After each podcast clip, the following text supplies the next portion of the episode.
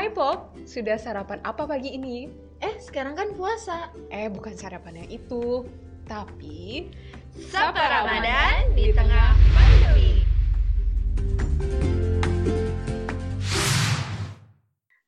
Assalamualaikum warahmatullahi wabarakatuh. Selamat sore Sobat Pop semua. Kami bertiga, ada Maria, Ada Maya. Ada Diana. hadir kembali di Sarapan Sapa Ramadan di tengah pandemi. Dan hari ini kita siarannya masih tetap dari rumah. Gitu ya. BTW, hari ini panas ya. Iya nih, udah Panas mulai summer. Udah mulai Ya, udah mulai summer. ha. Ini aku sambil kipas-kipas deh. Apa kabar nih Kak Maria, Kak Diana? Sehat-sehat? Gimana Ramadannya? Baik, Alhamdulillah. Gimana nih Kakak Maya sama Kakak Diana? Alhamdulillah juga. Alhamdulillah. Gimana nih teman-teman yang ada di Hiroshima, di uh, Tsunami Totori, di Sobara, di mana lagi Kak Diana? Kita sapa dulu Ada- dong, Ada teman-teman. di Yamaguchi juga. Ada yang Yamaguchi juga. Ada yang di Indonesia juga. Oh iya. Iya, oke. Halo semuanya, selamat datang di Sarapan. Iya, buat teman-teman, uh, selamat datang di episode ketiga Sapa Ramadan di, di tengah pandemi ini. Uh, diingatkan seperti biasa buat teman-teman yang mau ngirim salam, ngirim pesan ataupun Hmm. pertanyaan bisa langsung lewat live uh, chat di YouTube kita di PPI Korda Chogoku. Jadi kalian bisa tulis di situ atau sekedar sharing uh, ngapain aja Yes. nih di uh, hari ke-13 bulan Ramadan uh, ngapain aja teman-teman sekalian, baik yang Indonesia ataupun yang di Jepang. Tapi ingat, kita nggak terima ya yang namanya pesan makanan, karena kita juga sedang berpuasa. Iya, benar sekali. Iya benar, Kakak Maya. Kita hanya menerima eh, ini titip salam aja. Jadi salam aja. Eh, nggak kerasa ya, ini udah tanggal 6 Mei. Tanggal berapa ya? 6 Mei. Nah, Oke. Mei, ya. 6 Mei ya, yaitu udah hari terakhir dari rangkaian Golden Libur Nasional Golden Week di Jepang. Di Hmm. hari terakhir ini ada hal spesial nggak nih yang dilakuin kakak-kakak? Coba kali di-share nih. Ada yang jalan-jalan nggak? Enggak kan? Nggak boleh ada yang jalan-jalan loh. Enggak, Enggak, Itu belum boleh, belum Ya. boleh jalan-jalan. Jadi kakak, kalau saya masih tetap di rumah aja dan karena ini hari terakhir di masa keemasan, jadi saya masih tetap rebahan di rumah. Kalau kakak Sama, Diana sama, gimana? sama. Diana juga, Diana juga rebahan. Hari ini rebahan. Hari ini rebahan. Sama dan nih. Tapi rada kangen ya, biasanya kalau Golden Week itu, khususnya Mm-mm. di Jepang, itu terkenal banget sama yang namanya bazar atau eh, diskon-diskon di berbagai yes. toko atau supermarket. Waktu tahun-tahun sebelumnya mungkin kita sempat nih bisa belanja barang-barang yang Iya. terjangkau dan kualitas bagus, namun kita harus beradaptasi di tahun ini. Ya, dan- tapi yang penting kita harus tetap berpikir positif dan mengambil hal baik dari keadaan ini. Benar Kakak Diana? Benar banget, jangan lupa untuk tetap produktif juga. Nah, eh, tapi ingat untuk selalu tetap di rumah sambil nunggu informasi lanjutan dari pemerintah Jepang dan juga dari universitas. Atau bagi yang di Indonesia nih, Sobat Pop yang di Indonesia juga eh, tunggu informasi dan arahan lanjutan dari pemerintah ya. Hmm, pokoknya kita harus nurut ya, harus mengikuti himbauan. Iya, benar banget. Sebagai informasi nih, Sobat Pop, em, tingkat kesembuhan di Chugoku udah sekitar 40%. Udah lumayan ya kakak-kakak. Alhamdulillah Iya, ya. alhamdulillah. Udah banyak yang sembuh berarti ya. Hmm, iya, da- jadi dari eh, informasi terakhir di Chugoku itu ada 228 kasus positif dan 92 orang sudah sembuh. Jadi mungkin sekitar 40% yang sudah sembuh. Oke. Mudah-mudahan eh, tetap terus meningkat ya teman-teman yang eh, apa terkena atau terinfeksi COVID-19 semoga cepat sembuh dan eh, mudah-mudahan keadaannya kembali seperti semula ya. Oke, ini eh, sedikit selingan berhubung hari ini gestar Cie. Narasumber kita uh, dari PPI Hiroshima, saya ingin menyampaikan sedikit informasi mengenai rekrutmen tim siar radio PPIJ untuk Komisariat Hiroshima. Jadi untuk sobat pop semua yang uh, berminat atau suka nih dengan dunia broadcasting atau misalnya ada minat yang jadi podcaster, silakan langsung hubungi Kakak Mutia. Kakak Mutia itu koordinator radio uh, eh, PPIJ untuk Komsat Hiroshima. Jadi silakan daftar untuk gabung menjadi tim siar gitu. Kemudian jadi bisa melakukan podcast seperti kita ya, Kang Maria Betul. ya. Uh -uh, gitu. Bisa Jadi siapa tahu uh, sekaligus menyalurkan hobi gitu ya. Oke, okay, uh, terus untuk sobat semua uh, yang ingin update informasi mengenai COVID-19 atau um, keadaan terkini dari Jepang, khususnya yang teman-teman yang berada di Jepang, uh, silakan atau jangan lupa tetap update di akun KBRI atau KJRI, ya, baik Instagram maupun nanti di websitenya. Oke, kalau gitu kita kita kan hari ini kedatangan tamu ya. Spesial ya Kak Maria nih. Siapa ya. nih hari ini? Siapa tamu tuh? Siapa spesial. Kira-kira bisa tebak nggak? Uh, eh, tapi tadi udah sempat dibocorin sih. Sama iya, dibocorin kan ya, tadi. Udah sempat dibocorin. Orang dari PPI Hiroshima. Di PPI iya, Hiroshima. Dari PPI Hiroshima. Mm-hmm. Siapa yang kira-kira pasti terkenal banget nih di Hiroshima ya? Terkenal banget, banget, banget. Iya, ini kayaknya terkenal banget. Oke, kalau gitu daripada kita menerka-nerka, kita langsung aja sapa tamu kita. Hai, Assalamualaikum. Waalaikumsalam. Oke, jadi hari ini kita kedatangan um, Mas Gilang. Nah, Mas Gilang ini adalah Ketua PPI Hiroshima untuk periode 2019-2020 gitu ya. Jadi selamat datang Mas Gilang di sarapan Sapa Ramadan di tengah pandemi. Terima kasih sudah menjadi eh bersedia menjadi narasumber Sama-sama. pada hari ini. Gitu. Gimana kabarnya Mas? Uh, baik, sejauh ini masih work from home karena hmm. memang cukup masih golden week mungkin beberapa hari ke depan masa kampus atau semacamnya ya kebetulan di sini keadaannya sehat selalu dan semoga teman-teman atau kakak-kakak penyiar uh, siaran radio kor kor apa PPI kor dan juga aku juga dalam keadaan yang baik ya Amin, amin. Mudah-mudahan semuanya sehat-sehat ya. Oke, karena di popcorn ini kita manggilnya kakak gitu. Jadi nggak apa-apa ya kita panggil kak gitu. Kak Gilang. Siap. Siap. Siap Kak Maria. Kakak Diana dan okay. Kakak Maya. ya, oke okay, kalau gitu Kak Gilang, uh, gini kita mau ngobrol-ngobrol nih. Saya pengen tanya-tanya mengenai katanya um, PPI Hiroshima itu Halo, ya. terdengar suara saya? Terdengar sangat jelas. Oh, terdengar sangat jelas ya. Berarti ini kayaknya headset saya yang kurang oke. Okay. Oke, okay, gini, uh, saya mau nanya-nanya nih tentang kegiatan APP Hiroshima. Khususnya kan sekarang di saat-saat pandemi kayak gini gitu, pasti banyak hal-hal yang berubah gitu. Nah, kabarnya nih saya dengar dan saya lihat juga di Instagramnya PPI Hiroshima, PPI Hiroshima itu membentuk Satgas COVID-19 untuk wilayah Hiroshima gitu. Jadi uh, itu sebenarnya tujuan tujuan dibentuknya Satgas COVID-19 itu sebenarnya untuk apa? Tujuan dibentuknya Satgas, uh, mm-hmm. jadi gini, sejak sekitar pertengahan bulan lalu kalau tidak salah, kalau saya ingat, itu kita di PPI Hiroshima sudah membentuk yang namanya Satgas COVID-19 PPI Hiroshima. Tujuannya, tujuan intinya kurang lebih itu untuk membantu KJRI dalam mengawasi bagaimana sih kondisi kesehatan teman-teman sekalian yang ada di Hiroshima.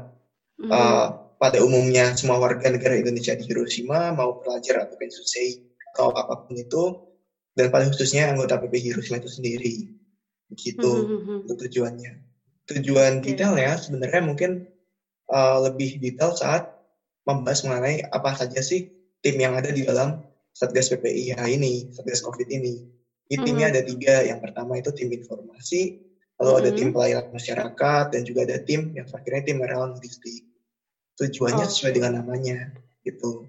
Oke, okay. jadi tujuannya sesuai namanya ya. Tadi ada uh, untuk informasi, kemudian untuk Untuk apa lagi Kak Gilang? Sorry saya nggak nggak terlalu dengar. uh, untuk tim informasi, lalu hmm. ada tim pelayanan masyarakat, dan pelayanan juga masyarakat. ada juga ya ada juga tim relawan logistik Kak Maria. Oke, okay, jadi ada tiga ya logistik, kemudian relawan masyarakat dan informasi gitu.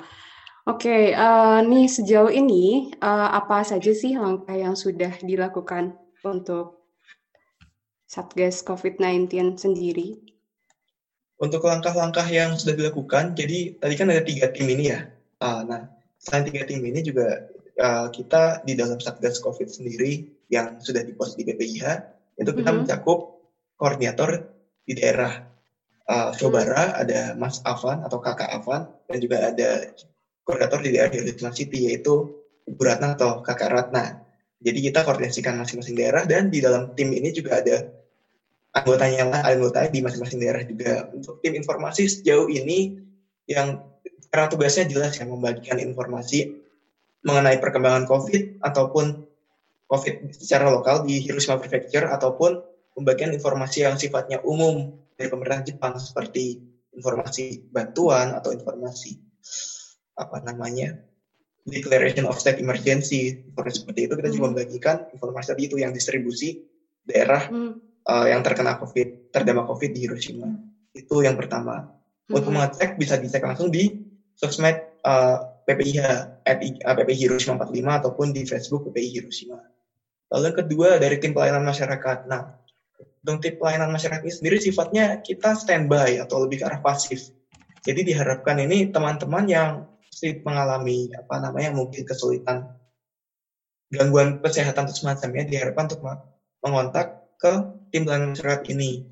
Nah, sebenarnya uh, salah satu informasi yang dibagikan juga tentang tim pelayanan masyarakat, jadi di Hiroshima sendiri kami waktu itu sudah sempat membagikan informasi, informasi mengenai kontak phone atau uh, call person untuk masing-masing uh, layanan kesehatan masyarakat yang melayani pemeriksaan untuk COVID di setiap distrik di atau setiap kota wilayah di Hiroshima. Selain itu ada juga dari Hiroshima International Office kalau tidak salah itu ada layanan dengan menggunakan bahasa asing seperti itu. Nah, diharapkan sebenarnya teman-teman jika memang masih general bisa mengontak ke situ dulu. Setelah itu jika dirasa masih ada kesulitan terutama dalam masalah komunikasi, jika ternyata eh setelah kontak yang misalkan si pelayanan internasional lalu ternyata diarahkan ke dalam dokter yang berbahasa Jepang dan butuh lebih lanjutnya mungkin butuh bantuan bahasa Jepang ini, ini bisa langsung kontak kepada teman-teman layanan masyarakat. Kontaknya sudah ada di Instagram PP Hiroshima atau di sosmed PP Hiroshima yang lain. Kayak gitu. Lalu untuk yang terakhir, ini dari tim relawan logistik. Jadi sejauh ini, ini tim relawan logistik ini kita membaginya menjadi dua dua fungsi sebenarnya, dua fungsi umum. Yang pertama itu membantu jika ada teman-teman anggota PPI Hiroshima yang dalam kondisi self quarantine atau self quarantine seperti misalkan sewaktu kemarin pulang dari Indonesia di masa yang apa ya masa yang dinamis itu tuh pengumuman pekerjaan Jepang kalau nggak salah di hmm. akhir Maret dan awal April sempat sangat dinamis dalam sehari sekali bisa berubah pengumumannya seperti apa. Nah kita harapkan yang orang logistik ini awalnya itu membantu ke situ gitu. Jadi misalnya dari self quarantine kita bisa membantu mem, apa menyuplai makanan atau semacamnya. Ini bekerjasama juga dengan teman-teman di KMI Hiroshima, KMIH Lalu untuk yang fungsi keduanya adalah kita memberi mengusahakan sebenarnya mengusahakan untuk memberikan bantuan kepada teman-teman yang terdampak COVID-19 di daerah Hiroshima Prefecture, teman-teman anggota PPIH ya. Nah, jadi teman-teman yang misalkan uh, Baito, otomatis misal Baitonya ini terganggu karena uh, aktivitas perusahaannya diganggu oleh adanya COVID-19, ini yang kita usahakan bantu ataupun teman-teman juga yang notabene tanpa beasiswa ataupun dengan beasiswa yang jumlahnya mungkin tidak sebanyak teman-teman beasiswa yang sebut saja misalkan dari dari JICA ataupun dari Max atau LPDP seperti itu. Nah ini kita usahakan kita bantu sejauh ini ya kita ini juga, juga sebenarnya dibantu bersama nih untuk yang bantuan ini antara PPIH, KMIH dan juga PPI Korea Jugoku, PPI Jepang dan juga KBRI. Untuk yang bantuan ini sebenarnya sudah berlangsung kemarin ini dari KBRI mengirimkan langsung ke teman-teman yang terdampak. Jadi di PPIH sendiri kami kategorikan nih teman-temannya seperti apa sih yang uh, prioritasnya yang perlu dibantu. Ini ada data data konfidensial kami lah di PBI Hiroshima seperti itu. Dan untuk ke depannya sendiri, uh, insya Allah sedang diusahakan juga dengan bantuan teman-teman KMIH ini untuk bisa mengusahakan bantuan dari HICC. Yang pertama, ini ada bantuan dari HICC sekitar, insya Allah katanya kurang lebih 50 ribu yen untuk masing-masing orang yang masuk ke kategori ini, kategori hmm. sekian ini. Lalu dari kami sendiri, PPI Hiroshima bekerja sama dengan Higashi Hiroshima Friendship Club, ini sedang berusaha sedang juga mengusahakan untuk mengcover teman-teman yang tidak masuk ke dalam kategori HICC ini. Dan mungkin juga walaupun belum pasti, uh, PPI, PPIH dan KMH juga sedang mengusahakan bantuan untuk yang dari dompet duafa disalurkan juga masuk pada teman-teman yang terdampak COVID-19 seperti itu. Kurang lebih kakak Maria, kakak Diana, dan kakak Maya. Oke, detail sekali ya kakak Gilang untuk penjelasannya. Jadi Satgas COVID-19 PPI Hiroshima ini ternyata tidak tidak bekerja sendiri dalam artian hanya PPI Hiroshima saja, tapi juga mengajak kayak organisasi lain uh, apa ya saling atau stakeholder yang lain untuk bekerja sama juga ya seperti tadi misalnya ada dari KBRI, kemudian ada KMIH, kemudian PPI Jepang dan uh, PPI Korda Chugoku juga ya. Itu jadi uh, kita intinya berarti satgas itu uh, apa bekerja sama kayak menyatukan menyatukan semua visi dan misi supaya uh, bagaimana bersama-sama menghadapi pandemi ini ya gitu Kakak Gilang. Iya, begitu Kak Maria. Jadi okay. kita menyatukan sebenarnya tidak hanya PPIH KMIH sih, -huh. tapi juga teman-teman yang ya warga negara Indonesia di Hiroshima uh -huh. lah. Kita inilah kita berdayakan juga. Iya. Oke. Okay. Oke, kalau gitu tadi ini Kakak bilang tadi kan uh, dengan adanya pandemi ini banyak sekali kan dampak-dampaknya gitu. Khususnya kalau kita ambil sampelnya itu untuk misalnya tadi mahasiswa yang kayak misalnya kehilangan baitonya atau misalnya ada pengurangan jam baito dan dan sebagainya gitu. Nah, ini salah satu um, yang terdampak juga sedikit curhat, ya sedikit curhat. Misalnya uh, saya awalnya rencananya itu mau pulangkan ke Indonesia, tapi karena tadi seperti kalian bilang uh, informasi pas awal-awal itu sekitar awal April itu informasinya sangat dinamis sekali kan ya. Tiap hari itu bisa berubah gitu. Nah saya tidak akhirnya tidak bisa pulang ke Indonesia gitu dengan uh, alasan PSBB dan sebagainya gitu ya. Nah ini uh, uh, berkaitan dengan mahasiswa yang misalnya terlambat atau eh, terhambat kepulangannya atau misalnya yang nggak bisa balik lagi ke Hiroshima, ini bagaimana nih PPIH mengatasi hal ini gitu atau adakah tindakan-tindakan dari PPIH? Jadi untuk dari PPIH kepada teman-teman yang masih hmm. terjebak ya di Indonesia. iya. Nah sebenarnya terjebak ini ada dua kategori menurut saya. Yang pertama itu uh, mahasiswa-mahasiswa yang belum masuk ke uh, yang seharusnya masuk di intake hmm. April hmm. kemarin, tetapi belum masuk nih karena kondisi yang seperti ini. Nah untuk sejauh ini sebenarnya kalau dari Hiroshima yang kami data di PPIH, sejauh ini baru ada satu orang nih yang masuk ke PPI, yang masuk ke uh, menjadi mahasiswa baru di lingkungan Hiroshima Prefecture. Uh, beliau awalnya ini mau masuk di bulan April, tetapi setelah kami juga sarankan sebaiknya memang diundur dan dari supervisor yang bersangkutan juga diundur menjadi bulan September atau melihat kondisi situasi yang lebih baik nantinya kayak gitu. Lalu untuk golongan kedua ini adalah teman-teman uh, eh, PPI Hiro, anggota PPI Hiroshima yang notabene kembali ke Indonesia dan ada beberapa bagian juga sebenarnya sih. Dan ini juga sebenarnya sampai sekarang masih ada beberapa teman-teman pengurus juga yang masih ada di Indonesia. Jadi teman-teman ini termasuk teman-teman yang misalkan kemarin sedang ada acara keluar acara keluarga ataupun teman-teman yang mungkin kemarin ini pada periode Maret April sedang melakukan apa namanya penelitian, di Indonesia hmm. seperti itu. Nah sebenarnya kalau dari uh, eh, PPI Hiroshima sendiri, nah kami di sini kan PPI Hiroshima juga mengikuti uh, himbauan dari otoritas yang bersangkutan ya seperti hmm. jelas KBRI, KJRI dan juga pemerintah Jepang dan tentu saja pemerintah lokal Prefektur hmm. Hiroshima. Dan sejauh ini memang semenjak April tanggal 3 kalau tidak salah ya.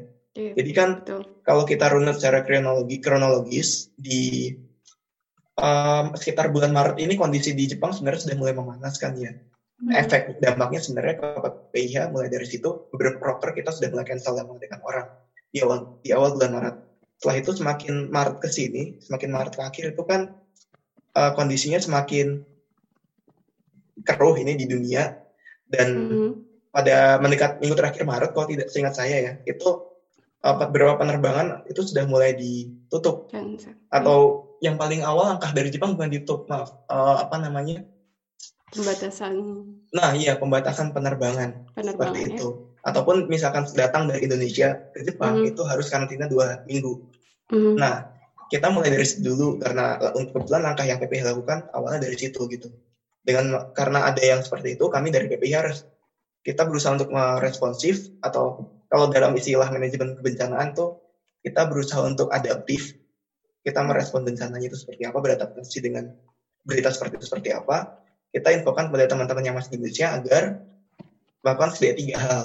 Kalau memang sudah balik ke Jepang dan dalam jarak dua minggu sebelum uh, tanggal 27 Maret itu atau pengumuman dari pemerintah Jepang, sebaiknya mengkarantina diri di apartemen masing-masing dan mungkin mengontak uh, apa pengurus PPIH jika membutuhkan bantuan atau hmm. Uh, tetangga lokalnya lah setidaknya seperti itu. Lalu yang kedua itu bagi teman-teman yang akan datang setelah tanggal 27 Maret atau setelah pemberlakuan si masa apa namanya ini masa yang karantina untuk yang baru datang itu diharapkan untuk mengontak PPIH agar PPIH juga bisa mengkoordinasikan misalkan menginfokan ke PPI lokal berarti mungkin PPI Osaka atau PPI Tokyo atau mungkin diinformasikan juga ke diinformasikan kepada KJRI atau KBRI jika memang perlu bantuan diusahakan seperti bantuan seperti itu walaupun pada notabene pada kenyataannya itu KJRI KBRI pun tidak bisa berbuat banyak karena infrastruktur yang ya, yang terbatas fasilitas ya. yang tidak mm. yang ini ya terbatas ya kayak gitu. Mm. Jadi setidaknya dari PPIH mengusahakan ad, ad, ad, mengusahakan agar teman-teman ini itu ter ini lah terkontrol lah setidaknya. Kalau mm. tidak ada bantuan secara fasilitas real, kita bisa mengkontrol juga jika ada apa-apa kayak gitu. Dan lalu yang ketiga ini pada teman-teman yang masih di Indonesia dari di atas tanggal 27 dan juga di atas tanggal 3 April. Ini memang kami sudah himbau dari awal sebaiknya tidak kembali ke Jepang dulu sebenarnya karena kondisi yang tidak kondusif dan jika lo memang harus harus ke Jepang itu dan harus karantina mandiri bakal keluar dana pribadi yang cukup banyak ya. sebenarnya. Mm -hmm. Jadi sebaiknya memang ada di Indonesia terlebih dahulu hingga kondisinya menjadi kondusif kembali kayak gitu. Untuk sejauh yang saya tahu sendiri sebenarnya uh, yang apa larangan dari Indonesia ini masih berlaku semenjak 3 April dan menurut Sampai saya pribadi sekarang, dengan ya? dengan perpanjangan state of emergency hmm. oleh AB si oleh Shinzo Abe sejak lusa tanggal 4 April ini kan diperpanjang ya kalau tidak salah yeah, sampai tanggal 29 sampai Mei. 29 Mei. Nah ini memang menurut saya sudah tidak sebaiknya juga masih di Indonesia saja sih.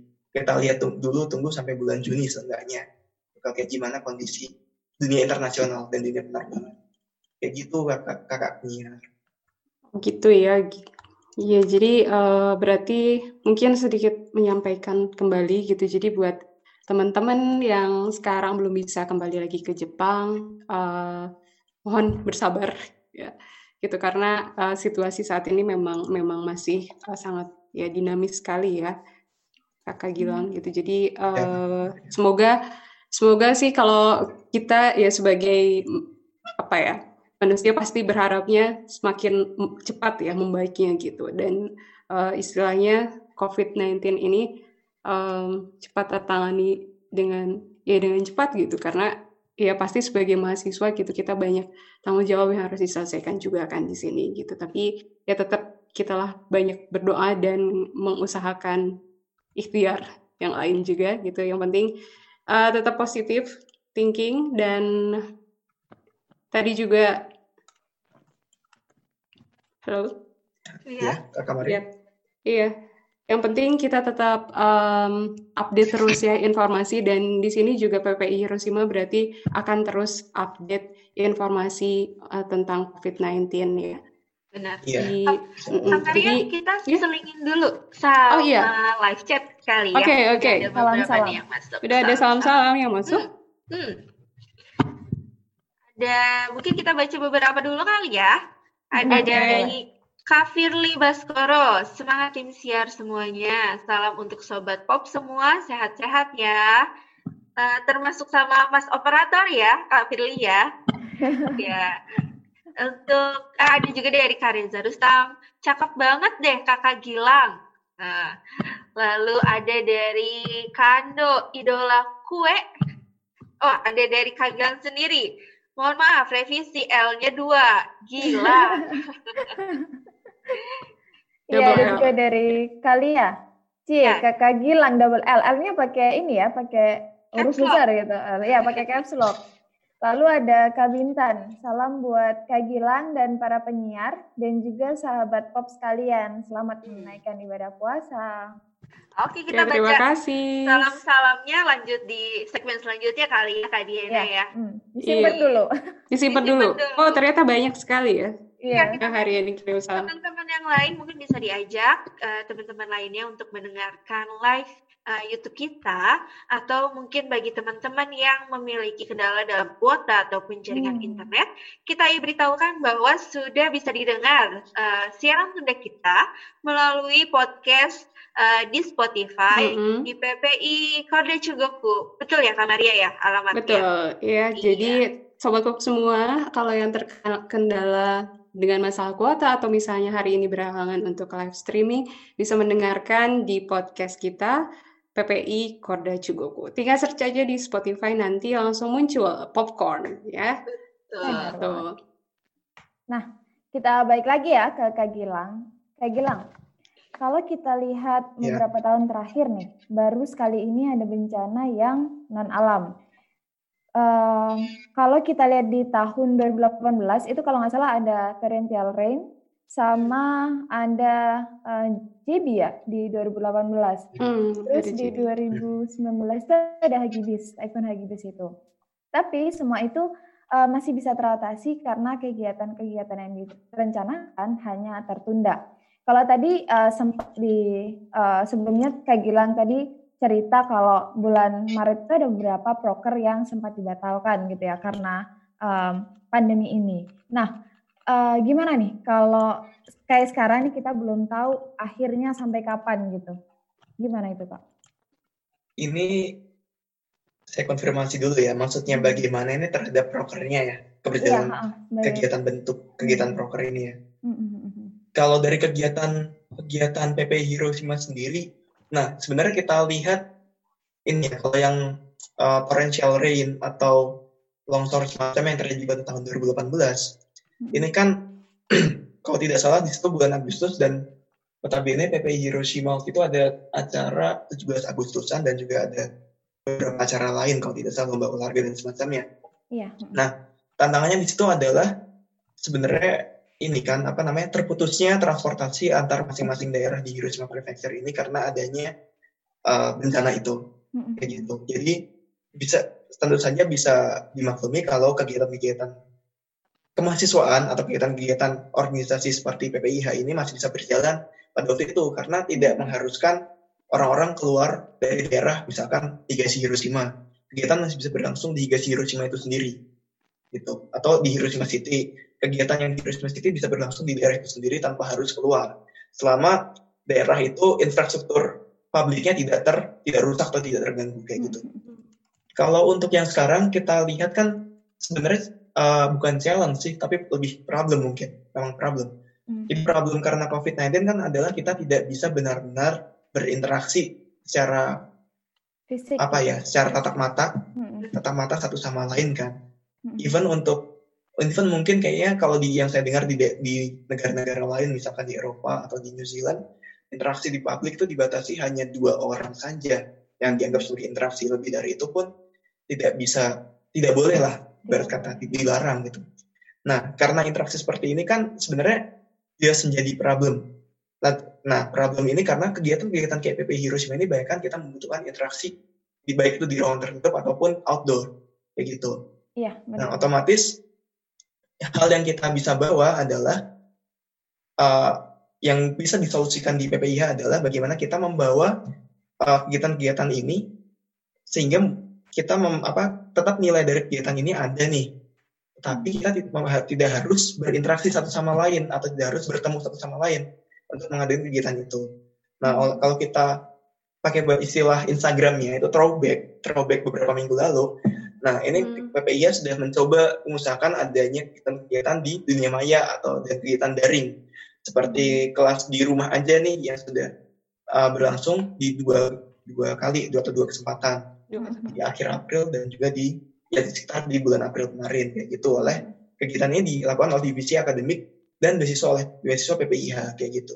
Hmm. Tetapi memang karena mungkin yang saya rasa pribadi juga apa namanya PPIH kan fasnya di kekeluargaannya ya dan notabene kekeluargaan ini hmm. tidak harus tentang diskusi tertentu nih atau membahas tema akademik tapi lebih kayak ya udah kita ngumpul gininya karena memang itu kita tidak bisa menyelenggarakan hingga hmm. kondisi uh, hingga kondisi pandemi ini berakhir atau membaik yang kita bisa usahakan adalah kita uh, kita kumpulkan di dunia maya melalui tema obrolan tertentu kayak gitu. Hmm. Dan juga untuk yang salah satu untuk memadahi atau membantu menjaga silaturahmi antara anggota PPIH ini, kemarin PPIH juga sudah uh, mengusahakan atau sudah membuat adanya grup WhatsApp PPI Hiroshima nih yang anggotanya notabene tidak hanya di Hiroshima tetapi juga ada di Chobara, Hiroshima City dan juga di uh, Fukuyama yang baru-baru ini masuk kayak gitu.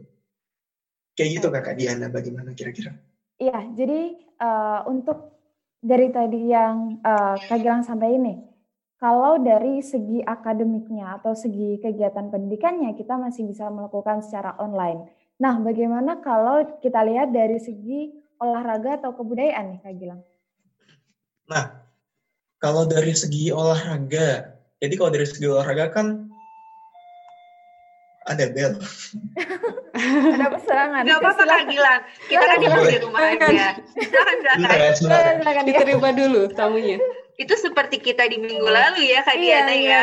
Kita sambil bacain salam-salam juga ya. Iya. Gitu. Hmm. Boleh, kita lanjut ya. Kita sapa ya. sobat-sobat kita yang ada di Indonesia maupun di Jepang. Silakan Kak Diana. Ada Karyam, semangat teteh-teteh penyiar sarapan. Salam buat Siro, sepedanya kayak Gilang. Wah, wow, siapa tuh? Ada bintang tamu lain sepertinya. Halo. Siapa itu? Ada Amisha Suara ya. Hai. Jadi sobat pop semua jangan heran ya karena kita memang di rumah aja. Jadi yeah. adanya tamu atau ada teman lain tiba-tiba datang itu dimaklumi saja. Hai Amisha. Lanjut lagi Kak Diana, bacain dulu kali ya. Saya sambil yeah. lanjut ya. Tadi gimana oh, Kak Diana? Oke oke, Kak Gilang silakan lanjutkan. Untuk Jadi yang kan olahraga, Ah, ya, untuk yang olahraga sama yang kebudayaan gimana? Olahraga sama kebudayaan ya. Jadi kalau olahraga memang apa namanya?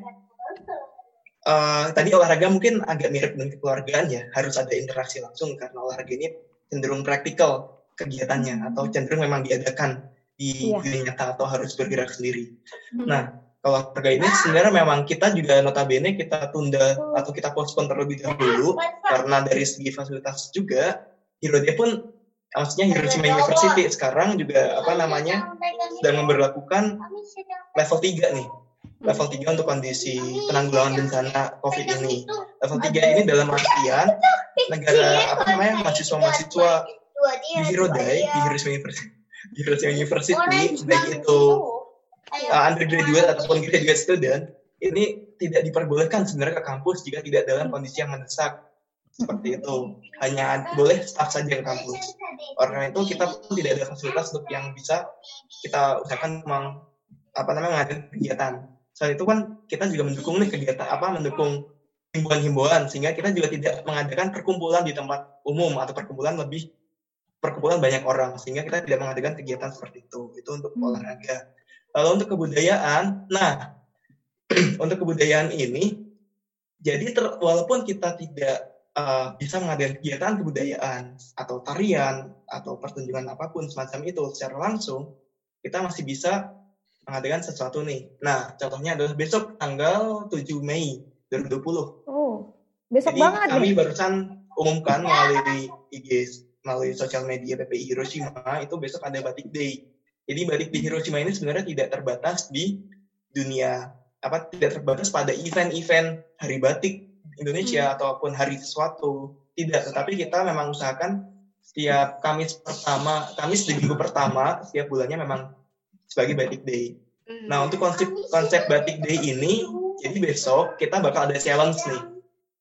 Kita ada bakal ada challenge. Clue-nya adalah apa ya kemarin ya? Ini teman-teman mungkin kalau yang aktif di IG tahu ya yang kalau terutama teman-teman cewek yang suka dandan, paint brush challenge atau Ah, brush challenge. Apa Nah, sih brush itu yang itu. Oh, brush challenge. Pas the brush, pas the brush. Pas the apa brush. brush? Nah, pas the brush challenge kayak gitu kan. Nah, jadi kalau PPI ya, ada batik day challenge nih besok. Challenge mau kayak apa?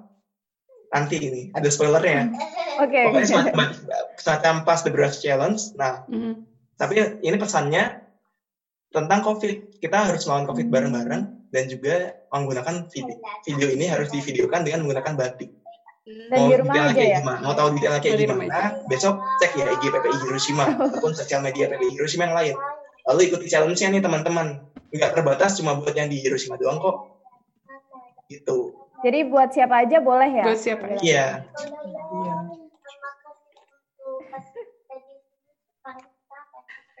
Oh iya. Oke. Hati-hati ya di jalannya di lift. Hati-hati ya, Miss Yara. Iya, iya. Sambil nunggu Ya, nih Kak sambil nunggu, ya Apa baca lagi ya? kita bacain. bisa dibaca lagi ya itu. Oke, Udah kita banyak yang bacain masuk. Iya. Eh, ini ada salam dari Kakak Mutia katanya, Kakak Maya, kapan bikin cakwe? Uh, Ya. boleh nih. Yuk kita Kapan bikin nih, cakwe kapan, yuk. kapan? Oh, menggoda sekali nih cakwe ya. Kemudian nih Cakwe. dari eh, Kakak Ika, Kakak Maya Rikuk, tahu asinya berhasil tidak? Mau cakwe juga dong. Wow, Belum banyak sekali dimasak. teman makanan. Ya. Iya, iya. Oke, ini selanjutnya ada siapa lagi nih Kakak Diana? Dari Pak Dido. Ada Kak Dido. Ada dari Pak Dido, salam untuk Kak Gilang. Cie, Gilang dengan emot senyum.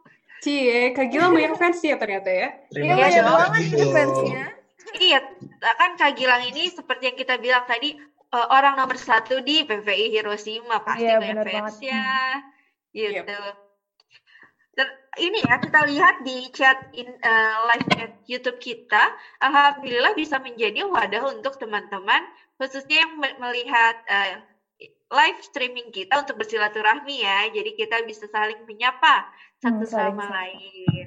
Gitu. Benar banget. Ya masih Kita ada yang mau balik ke? Kak Gilang lagi ya? Ya, Kita ah, kita balik ke Kak Gilang lagi.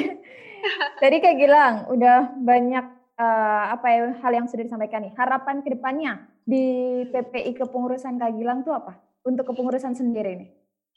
Untuk kepengurusan sendiri, jadi eh periode periode kepengurusan PPIH 2019-2020 ini kan insya Allah akan berakhir di bulan Agustus 2020. Dan kita masih belum tahu nih ya, kalau realitanya bakal seperti apa nih di Agustus. Apakah kita sudah bisa beraktivitas seperti normal, atau kita sudah bisa beraktivitas seperti normal yang baru, ataupun kita masih seperti kayak gini-gini aja, kita belum bisa ke mana-mana, kita kan belum tahu. Nah, ya jadi kita nggak tahu nih ceritanya dia bisa bakal gimana ya. Tapi yang saya bisa harapkan dari perusahaan saya ini setidaknya sam- dari bulan Mei sampai Agustus berarti empat bulan ya. Sekitar empat Ya. bulan ini kita usahakan setidaknya apa ya? Yang terbaik lah menurut saya dari pengurus-pengurus teman-teman pengurus PPI Hiroshima dari bulan pengurus PPI Hiroshima kita usahakan yang terbaik. Kita usahakan memang kegiatan-kegiatan yang tidak bisa dilaksanakan kita tunda dan kegiatan-kegiatan yang bisa dilaksanakan kita maksimalkan atau kita ubah dalam suatu apa namanya bungkus yang baru kayak gitu. Nah, oh ya sorry iklan dikit ya. Mungkin ada satu Boleh. lagi ada beberapa kegiatan juga yang harus saya sebut yang yang masih berlangsung. Yang pertama itu adalah beasiswa bidik anak negeri PPI Hiroshima. Ini sampai sekarang sebenarnya masih berlangsung.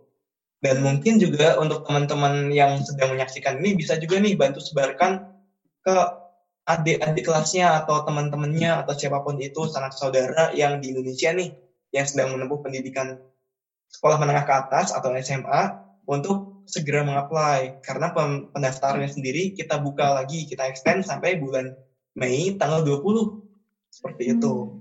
Dan jangan takut kalau misalkan tidak bisa karena kondisi Indonesia yang sebagian besar sebagian mungkin PSBB jangan takut juga kalau tidak bisa uh, menyiapkan dokumen-dokumennya karena kita sudah ada nanti kita atur metodenya sehingga tidak harus menyiapkan dokumennya. Kayak ya. gitu. Jadi tolong diinfokan ya teman-teman. Uh, kakak yang audiensnya sekalian dan juga mungkin kakak penyiar dan kakak dan kakak di situ yang sedang jadi teknisi. gitu. operator operator operator, operator. Maksudnya maaf operator lalu yang satu lagi bagi teman-teman di Hiroshima yang kemarin sudah memesan apa namanya hoodie, hoodie PPI Hiroshima, jangan khawatir karena sebenarnya PPI hoodie-nya sudah jadi nih kebetulan hmm. minggu ini. Tetapi memang karena ya kita di pengurus kita mohon pemaklumannya ya karena kondisi yang seperti ini kami sendiri juga belum bisa uh, apa mengirimkan untuk waktu dekat ini uh, ke Hiroshima seperti itu. Tapi kita usahakan sebelum kepengurusan PPIH yang sekarang ini berakhir kita sudah uh, hoodie itu sudah sampai ke tangan teman-teman sekalian. Kayak hmm. gitu. Kak Gilang, ber, uh, terkait dengan beasiswa bidik anak negeri, untuk teman-teman yang masih ingin menyumbangkan sedikit rezekinya, apa masih bisa? Atau sudah ditutup nih, Kak? Iya. Oh, sangat bisa sekali nih. Uh, apa namanya kalau mau yang menyumbangkan rezekinya ya. Jadi hmm. Kalau sekiranya tidak bisa bertemu langsung nih teman ke teman-teman pengurus, atau ke Mbak Asila bendahara PPI atau teman-teman divisi akademik ini bisa juga dengan mengirim ke rekening uh, JP Pos PPI Hiroshima. Hmm. Sebenarnya saya agak lupa JP Posnya dalam bahasa Jepangnya apa. Yang penting itu PPI Hiroshima dalam bahasa Jepang. Indonesia nah. Jariu bla bla bla sesuatu. Hmm. Nah dengan memberikan uh, apa kode tiga atau tiga yen di akhir. Jadi misalkan hmm. Uh, teman-teman mau membantu sekitar sekian ribu yen. Nah ini sekian ribu 3 yen gitu hmm. nominalnya. Sehingga itu bisa terdata sebagai uh, nominal atau dana untuk dana donasi untuk beasiswa bidik anak negeri PPI Hiroshima. Itu. Untuk informasi detailnya mungkin ada di Instagram PPI Hiroshima ya kak? Iya. Iya, jadi bisa dicek ya mungkin dikirain saya kira harapan Kak Gilang Kak untuk tahun ini untuk kepengurusan PPI 2019-2020 karena banyak kegiatan yang tertunda mungkin Kak Gilang berharap untuk melanjutkan periode kepengurusan mungkin ya? Dua kali? Gimana? Oh enggak. Oh enggak. Terima kasih. Saya itu nanti orang-orang terlalu bosan dengan saya dan saya juga pengen lulus gitu. Gitu. Jadi mungkin nanti teman-teman yang berminat juga nih ini mungkin juga spoiler ya. Jadi kan di Agustus selalu uh, di Agustus ini juga selain sebagai nanti LPJ juga apa namanya sebagai ajang nih ajang pemilihan hmm. ajang pemilihan hmm. tetapi memang kita belum inisiasi karena inisiasinya nanti kita buka di sekitar bulan Juli nih jadi kalau buat teman-teman di mana pun itu berada di Hiroshima Prefecture bagi yang berminat untuk menjadi ketua PPI Hiroshima tahun 2020 2021 silahkan nih pantengin atau mulai siapin lah apa namanya visi misi atau analisa semacamnya mulai dari sekarang. Nanti kalau di Juli sudah buka pendaftaran bisa apa namanya bisa langsung mendaftar. Kalau kalau apa namanya kalau terpilih nanti di bulan September awal bakal ada uh, jika on track itu bakal ada kongres dan format PPI Jepang bisa langsung mewakili dan juga berkoordinasi dengan PPI Jepang di situ nih. Jadi harapannya ke depannya dari PPI Hiroshima dan PPI Jepang juga jalannya apa namanya sinergis nih. Kalau kata apa namanya pem, apa pendahulu saya kan bersama bersinergi ya. Kayaknya hashtag PPI Korda Cilugu juga sekarang seperti itu kan ya. Nah, jadi bersama bersinergi dengan PPI Jepang yang selanjutnya kayak gitu. Gitu teman-teman atau kakak-kakak penyiar. Ada kegiatan yang terdekat nggak nih kak yang perlu partisipasi selain hari batik tadi yang uh, video batik itu ada lagi nggak kak yang yang mungkin akan ya maksudnya akan disampaikan Kak hmm. Gilang? Oke. Okay. Selain tiga hmm. tadi ya, tiga yang udah disebutin tadi. Mungkin hmm. yang terdekat. Hmm. Hmm. Jadi kalau yang terdekat di bulan Mei ya, itu kegiatannya saya juga ini bantu infokan yang dari KMIH. Jadi yang di hari Jumat malam kalau tidak salah ada kegiatan KMIH. Itu kegiatannya mengenai bedah buku salah satu anggota PPI atau anggota kayak PPI KMI Hiroshima ini. Salah satu teman kita mahasiswa di Hiroshima. Itu yang pertama. Yang ke, dan anggota dan maaf kegiatan ini melalui Zoom dan sekitar jam setengah sembilan malam waktu Jepang.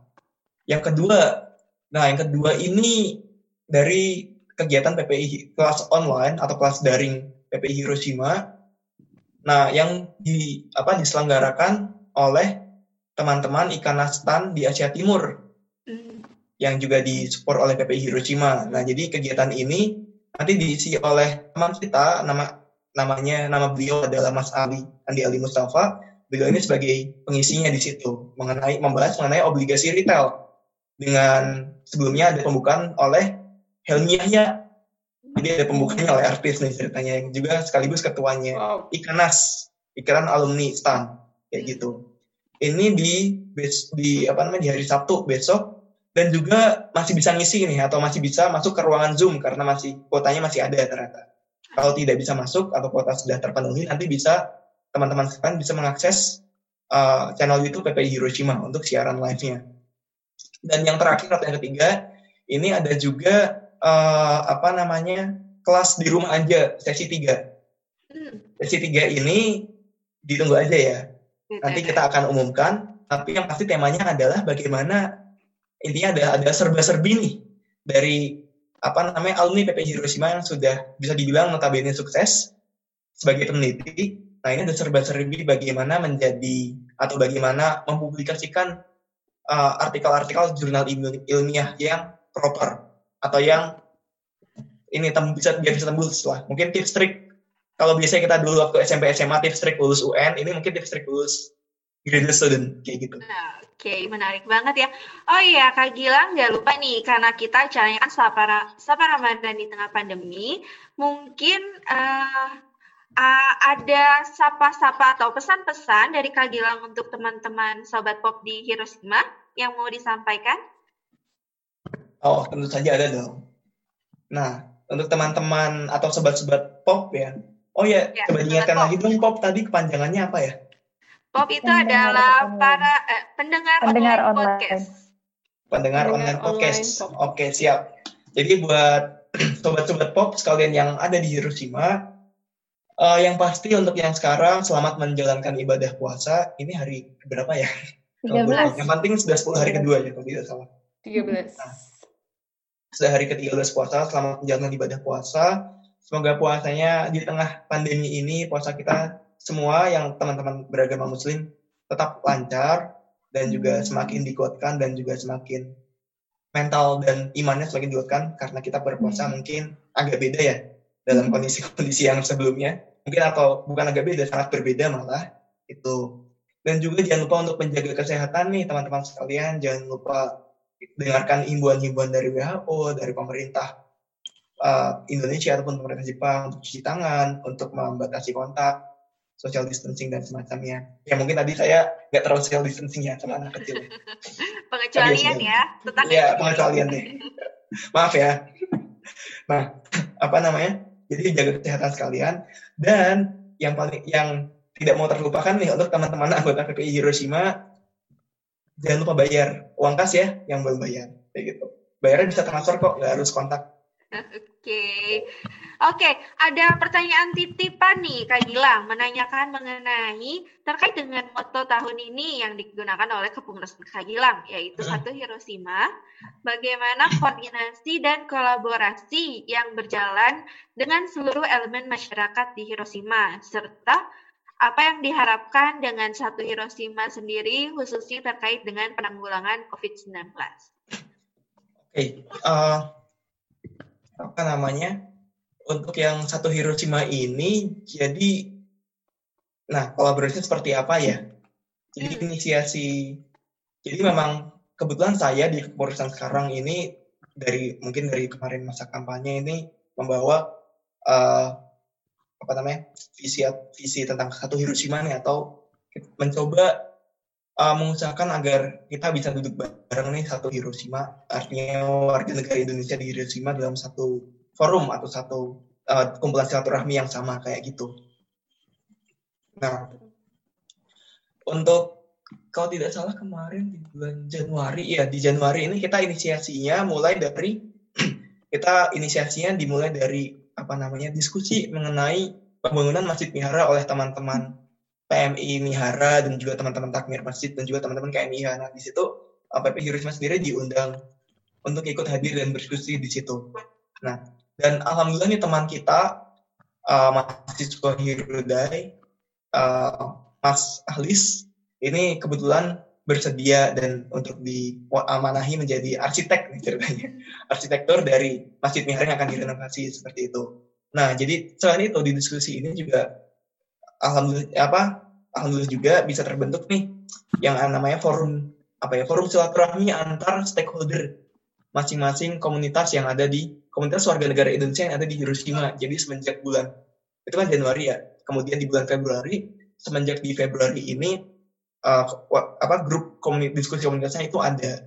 Jadi antara PPIH, ada ada KMIH, ada juga wakil dari ibu-ibu PIS, ada juga wakil dari ada juga Mas Afan dan Beratna sebagai yang di Sobat Hiroshima City, ada juga teman-teman PMI, eh teman-teman PMIJ, teman-teman di Fukuyama, teman-teman di Etajima, teman-teman di uh, teman-teman di Hiroshima City yang susah dan semacamnya. Jadi alhamdulillah dengan dari grup itu kita bisa berdiskusi dan membagikan informasi satu sama lain.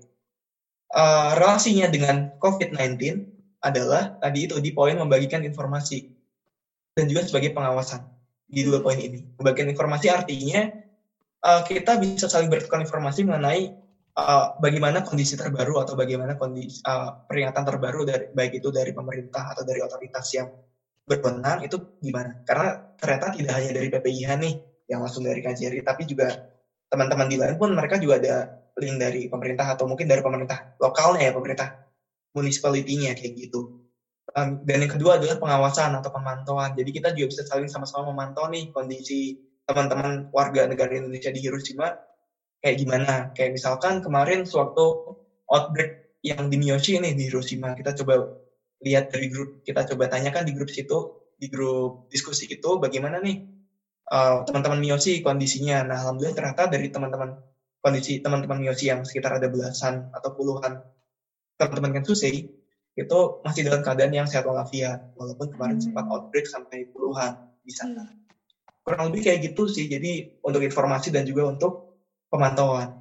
Hmm. Gitu Kakak Maya. Oke, mantap sekali nih Kak Gilang uh, atas uh, tindakan-tindakan atau program-program yang dilakukan oleh PPI Hiroshima. Semoga teman-teman pengurus PPI Hiroshima khususnya tetap semangat untuk uh, melakukan penanggulangan-penanggulangan maupun penyebaran informasi dan uh, penghimbauan untuk teman-teman Indonesia di Hiroshima khususnya. Uh, Siap, kita, Iya, mungkin uh, kita sudah di akhir, di, hampir di akhir uh, siaran kita, kita mau mengucapkan terima kasih banyak untuk Kak Gilang sudah hadir di Sapa Ramadan uh, di tengah pandemi kita. Uh, mungkin ada salam terakhir dari Kak Gilang untuk seluruh Sobat Pop. Oke, untuk sebelum untuk seluruh Sobat Pop, tadi mungkin kontennya sudah saya sampaikan. Cuma ini yang jelas saya mengucapkan terima kasih nih kepada Bapak Ketua Korda, Kakak Firly, dan juga kakak-kakak penyiar di sini, Kakak Diana, Kakak Maria, dan Kakak Maya, yang telah memberikan kesempatan nih kepada PPI Hiroshima untuk apa ya istilahnya bersilaturahmi dengan ya bersilaturahmi dengan teman-teman atau sobat-sobat pop yang antara Shigoku dan juga menjelaskan nih apa sih yang PPI Hiroshima coba usahakan di masa-masa yang serba sulit kayak sekarang kayak gitu. Paling kayak gitu aja sih karena kalau untuk salam atau pesan seperti tadi sudah ya yang juga puasa, kesehatan dan uang kas. Oke, okay, terima kasih banyak sudah bergabung Kak Gila. Makasih ya Kak Gila. Semoga sehat ya, selalu. Siap, Salam untuk semua aktivitas Sima. Terima kasih. Terima kasih. Nah, dadah. Oke, kita kita sebelum mengakhiri uh, siaran kali ini mungkin kita bacain uh, salam-salam yang udah masuk ya Kak Maria, Kak Diana, Hmm. Oke, udah cukup banyak nih salam-salam yang masuk ya. Kita okay. kita mau baca ya tadi dari dari mana yang terakhir ya Kak Gilang ya? Dari yang terakhir dari Pak Dido. Uh, yang terakhir itu yang terakhir dari Pak Dido. Iya, yang terakhir dari Pak Dido. Oke, Kak, Kak, Kak Maria mau lanjutkan membacanya Kak Maria, silahkan. Oke, ini ada salam nih dari uh, Pauli, katanya hubungan bencana alam sama cakwe apa? Dan tahu aja, apa? Dan tahu aja apa? Iya, ya. itu internet Pak. Terus, kayak ini dari Kakak Firly katanya mantap PPIH, lanjutkan. Ini tahun depan siapa katanya yang jadi PPI H1? Dijawab itu sama kakak sama kak Gilang di bawahnya Gilang. Oh, Gilang, tuh pas banget. Dijawab, ya. oh iya bener ini. Itu Gilang. Oh dua periode. Dua periode, semangat Kak Ya, Gilang. dua periode. Lalu menyapa kembali Sobat Terus? Nugroho yang setia sudah tiga episode selalu hadir dalam podcast kita. Terima kasih Sobat Satyo. Dengan Hmm. emot kucingnya ya. Emot Terima keluar dari kasih. kotak Ada ya. emot kucing. Lalu ada dari Kareza Rustam. Ada serangan maghrib nggak hari ini? Wah, apa tuh serangan maghrib? Mungkin ada yang tahu Oh, langsung jadi selain komen ya. serangan fajar ada serangan maghrib. Ada serangan maghrib juga. Selanjutnya serangan. ada Kak Novtriananda. Kamaya Foundation-nya apa gitu. Wah, apa kita harus buka sesi khusus sarapan tentang skincare? Boleh, boleh. Kak Diana, boleh Kak nanti Diana ya. jago nih teman-teman. Enggak, enggak. enggak. Oke. Lalu ada juga dari sama Bikin. Kak Novtriananda. Hmm, Mau salam-salam buat teman-teman PPIH Salam. semangat puasanya ya. Mhm. Semoga dengan di rumah aja makin berkreasi buat bikin makanan buka puasa dan sahurnya. Jadi Kak Novtri ini salah satu pengurus inti dari PPI Hiroshima sekarang ya, yang masih terjebak di Indonesia. Masih di Indonesia. di Indonesia. Semangat juga untuk Kak Novtri, semoga dikuatkan dan semoga penelitiannya lancar ya. Amin. Tidak hanya untuk Kak Novtri, untuk semua teman yang masih Terima terjebak kasih, di. Indonesia. Semoga penelitiannya lancar maupun kesehatannya juga tetap terjaga. Oke, ada dari oh ada Kak Mas Mas Lahatun atau Kak Ika. Seru ya backsoundnya Gilang. Iya tadi kita ada iklan sedikit ya dari tetangganya Gilang. Ada dari KMIH Hiroshima. Alhamdulillah sukses terus PPI Chugoku. Terima kasih. Lalu yang Ada terakhir juga. ini ada dari Kak Terima Aklis. Yang Ada ada lagi di bawahnya dua terakhir lagi? tuh Kak. Kak Aklis yang merupakan arsitek Masjid Wihara kita yang tadi disebutkan Kak Gilang. Salam untuk Dita CS yang ngontel di Saijo hari ini. Lalu dari Pak Rohim dengan emot peace-nya. Peace seperti ini. Oh ya. Peace. Oh, nggak nggak lupa ya seperti episode-episode sebelumnya. eh, Hmm. episode kali ini kita juga mau berinteraksi langsung dengan teman-teman di Cug- eh, wilayah Cugoku lainnya. Kak Diana akan coba telepon nih. Iya. Aku akan coba telepon uh, dan sapa lagi sobat kita yang ada di Inoshima dan Aiji. Kita bakalan coba Pak Ustadz Tri di Inoshima dan Kamas Puri Hmm. yang lagi ada di Aichi. Jadi uh, dicoba telepon ya ini. Semoga bisa nyambung. Ah, Oke. Kita coba telepon Pak Ustadz Tri dulu.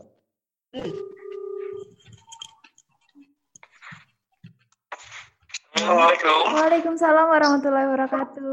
Waalaikumsalam. Ini Mbak Diana. Iya, ini Mbak Diana.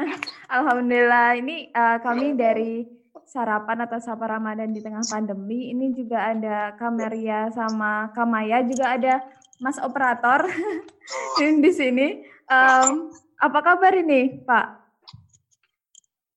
Alhamdulillah baik baik terkendali, nyaman aman terkendali walaupun ya harus sabar. Iya, Alhamdulillah. Teman-teman di Inoshima juga sehat-sehat ya, Pak? Alhamdulillah. Ini saya tidak di Indonesia, saya di Mukaisima ini. Oh, di Mukaishima. Itu di area Onomichi juga ya? Betul betul. Ah. Alhamdulillah. Pernah ke Onomichi? Belum. pernah pernah saya pernah itu yang sepedaan itu yang keliling itu Iya. tapi tapi nggak semuanya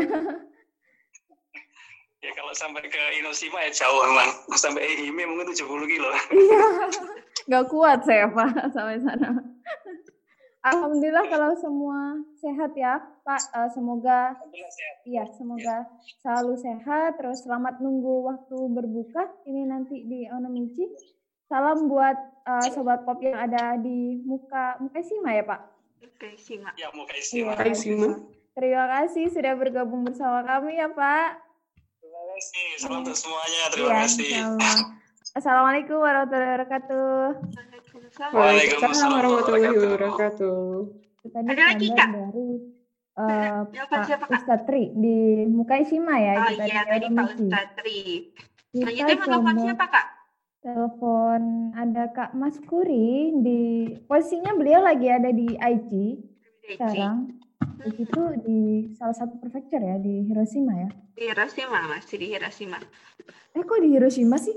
Salah di Jepang maksudnya. Oh, ah, Jepang. Iya, di Jepang. Iya di Jepang. Daerah Nagoya mungkin ya. Wah, kurang apa nih saya nih. Nih Kamaria mungkin tahu ini Kamaria. Iya, di daerah Nagoya. Kenapa? Itu di prefektur Nagoya. Oh gitu. Tersambung nggak dia? Belum. Belum. Oke, kita selingi. Kita bacain itu Ya, aja. salam. Apa? Mm. Chat, salam. Salam dari oh dari Masjid Mihara langsung. Sukses terus PPI Chugoku. Lalu ada Terima dari kasih. official account PPI Hiroshima. Salam untuk Pak Ketua PPIH, admin YouTube PPIH. Oh, dari adminnya nih. Salam. Ada juga dari Sobat Anang Muhammad Terima Nugroho. kasih. Salam untuk Pak Ketua PPI Mhm. Hiroshima. Sukses terus ya. Oke. Kita sudah tersambung. Sudah, silakan Kak Diana. Sudah? Halo. Assalamualaikum. Waalaikumsalam warahmatullahi wabarakatuh. Mas Kuri ini eh, saya Diana. Oh iya, Iya dari saya Mas Suri. dari eh, sarapan Sapa Ramadan di tengah pandemi podcast PPIJ Korda Cugoku nih. Apa kabar Kak? Alhamdulillah baik sehat. Alhamdulillah. Mbak Diana sehat. Alhamdulillah sehat nih teman-teman yang lain juga alhamdulillah sehat di Hiroshima. Ada di sini ada Kamaya sama Kamaria juga ada Kak Kakak operator di sini. Gimana ah, kondisi Oh, di iya di IG gimana ini Kak kondisinya? Lagi di IG ya sekarang? Iya, sekarang lagi di kan. Hmm, kondisinya ke- kegiatan aktivitasnya normal sih. Oh masih Mas- normal. masih ya? Masih banyak yang keluar-keluar gitu. Oh, masih masih banyak. Ah, ya Cuma, semoga. cuma ya tetap apa GBC ini tentang Hmm. masker Ah, eh, masih pakai masker gitu ya kalau keluar-keluar. iya Ya.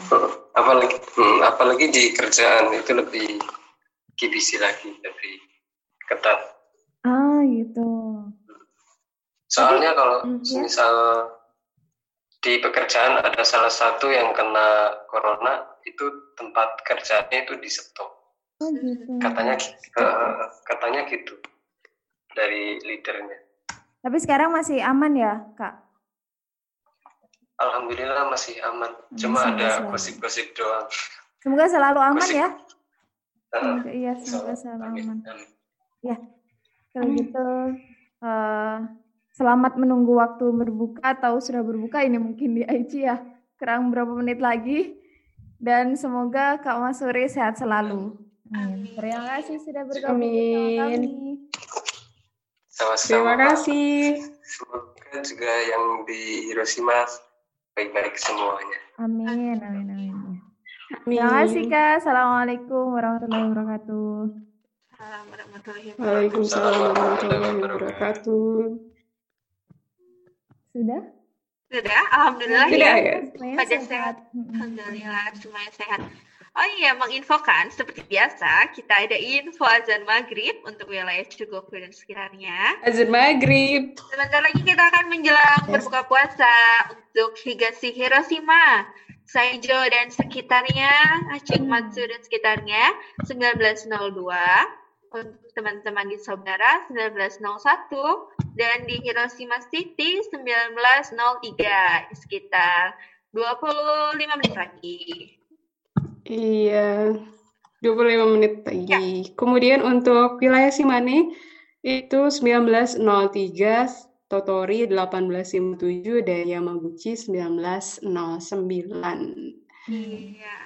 Oh, nggak kerasa ya udah kita siaran sekitar lebih dari 30 menit ya kayaknya. Iya, sudah lebih dari 30 menit. Mungkin kakak-kakak Pinia mau ada salam yang disampaikan untuk Sobat Pop eh, pendengar setia sarapan. Dari Maria dulu. Dari siapa? Kak Maria dulu. Maria, Ya, aku boleh. dulu. Hmm. Oke. Ya, eh, mau kirim salam untuk keluarga yang di rumah, terus teman-teman yang yang di Jakarta, yang di eh, Jogja, pokoknya teman-teman semua yang ada di Jepang juga, semoga semuanya sehat, em, kegiatannya lancar dan jangan lupa jaga kesehatan, gitu. Dan tetap ikutin eh, protokol-protokol untuk COVID-19-nya supaya semuanya terhindar dari COVID-19. Terima kasih. Kak Diana gimana nih? Ada yang dikangenin nggak? Salam-salam Ada, ke ada, ada. Keluarga, keluarga di rumah. Kangen banget. Salam buat keluarga di rumah, buat semuanya, buat teman-teman juga, sahabat-sahabat yang lagi WFH dan lagi yang lagi nggak bisa WFH nih, yang masih di eh, lapangan gitu ya. Semangat, sehat-sehat selalu. Semoga ibadahnya juga lancar. Amin. Amin. Aku juga mau nyampaikan salam untuk teman-teman yang ada di Hiroshima, khususnya di Saijo. Selamat menjalankan ibadah puasa, jangan patah semangat. Eh, lalu ada salam khusus yang mau aku sampaikan buat eh, kesayangan Saijo kita, adik kita Yasmin, yang besok akan menempuh ujian masuk SD. Semangat ya di Indonesia. Semangat, Yasmin, Yasmin.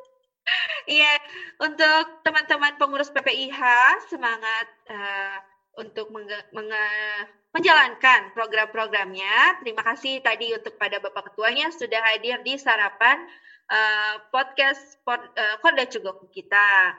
Mungkin segitu aja kali ya, Kak Maria ya. Kita sudah di akhir Iya, oke. kita.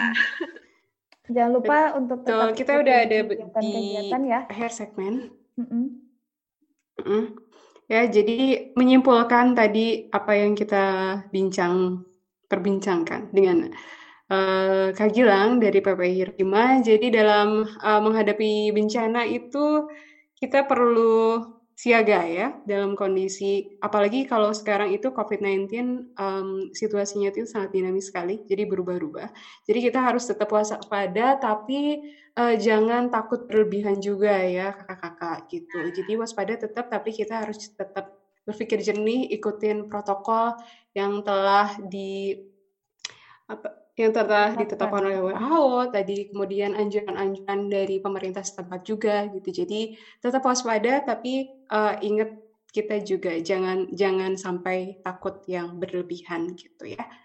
sekali. Jadi jadi ingat SOP tentang COVID yang kita sampaikan dua minggu lalu ya.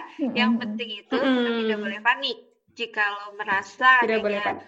Tidak enak badan atau demam tinggi, eh, hubungi Mhm. eh, call center terdekat untuk yang di Cugoku ya.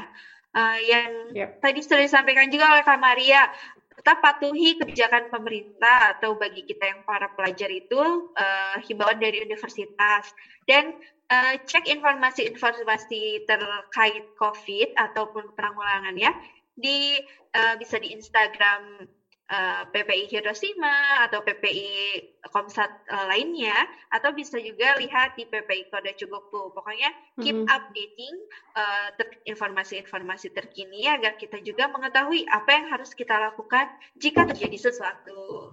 Begitu.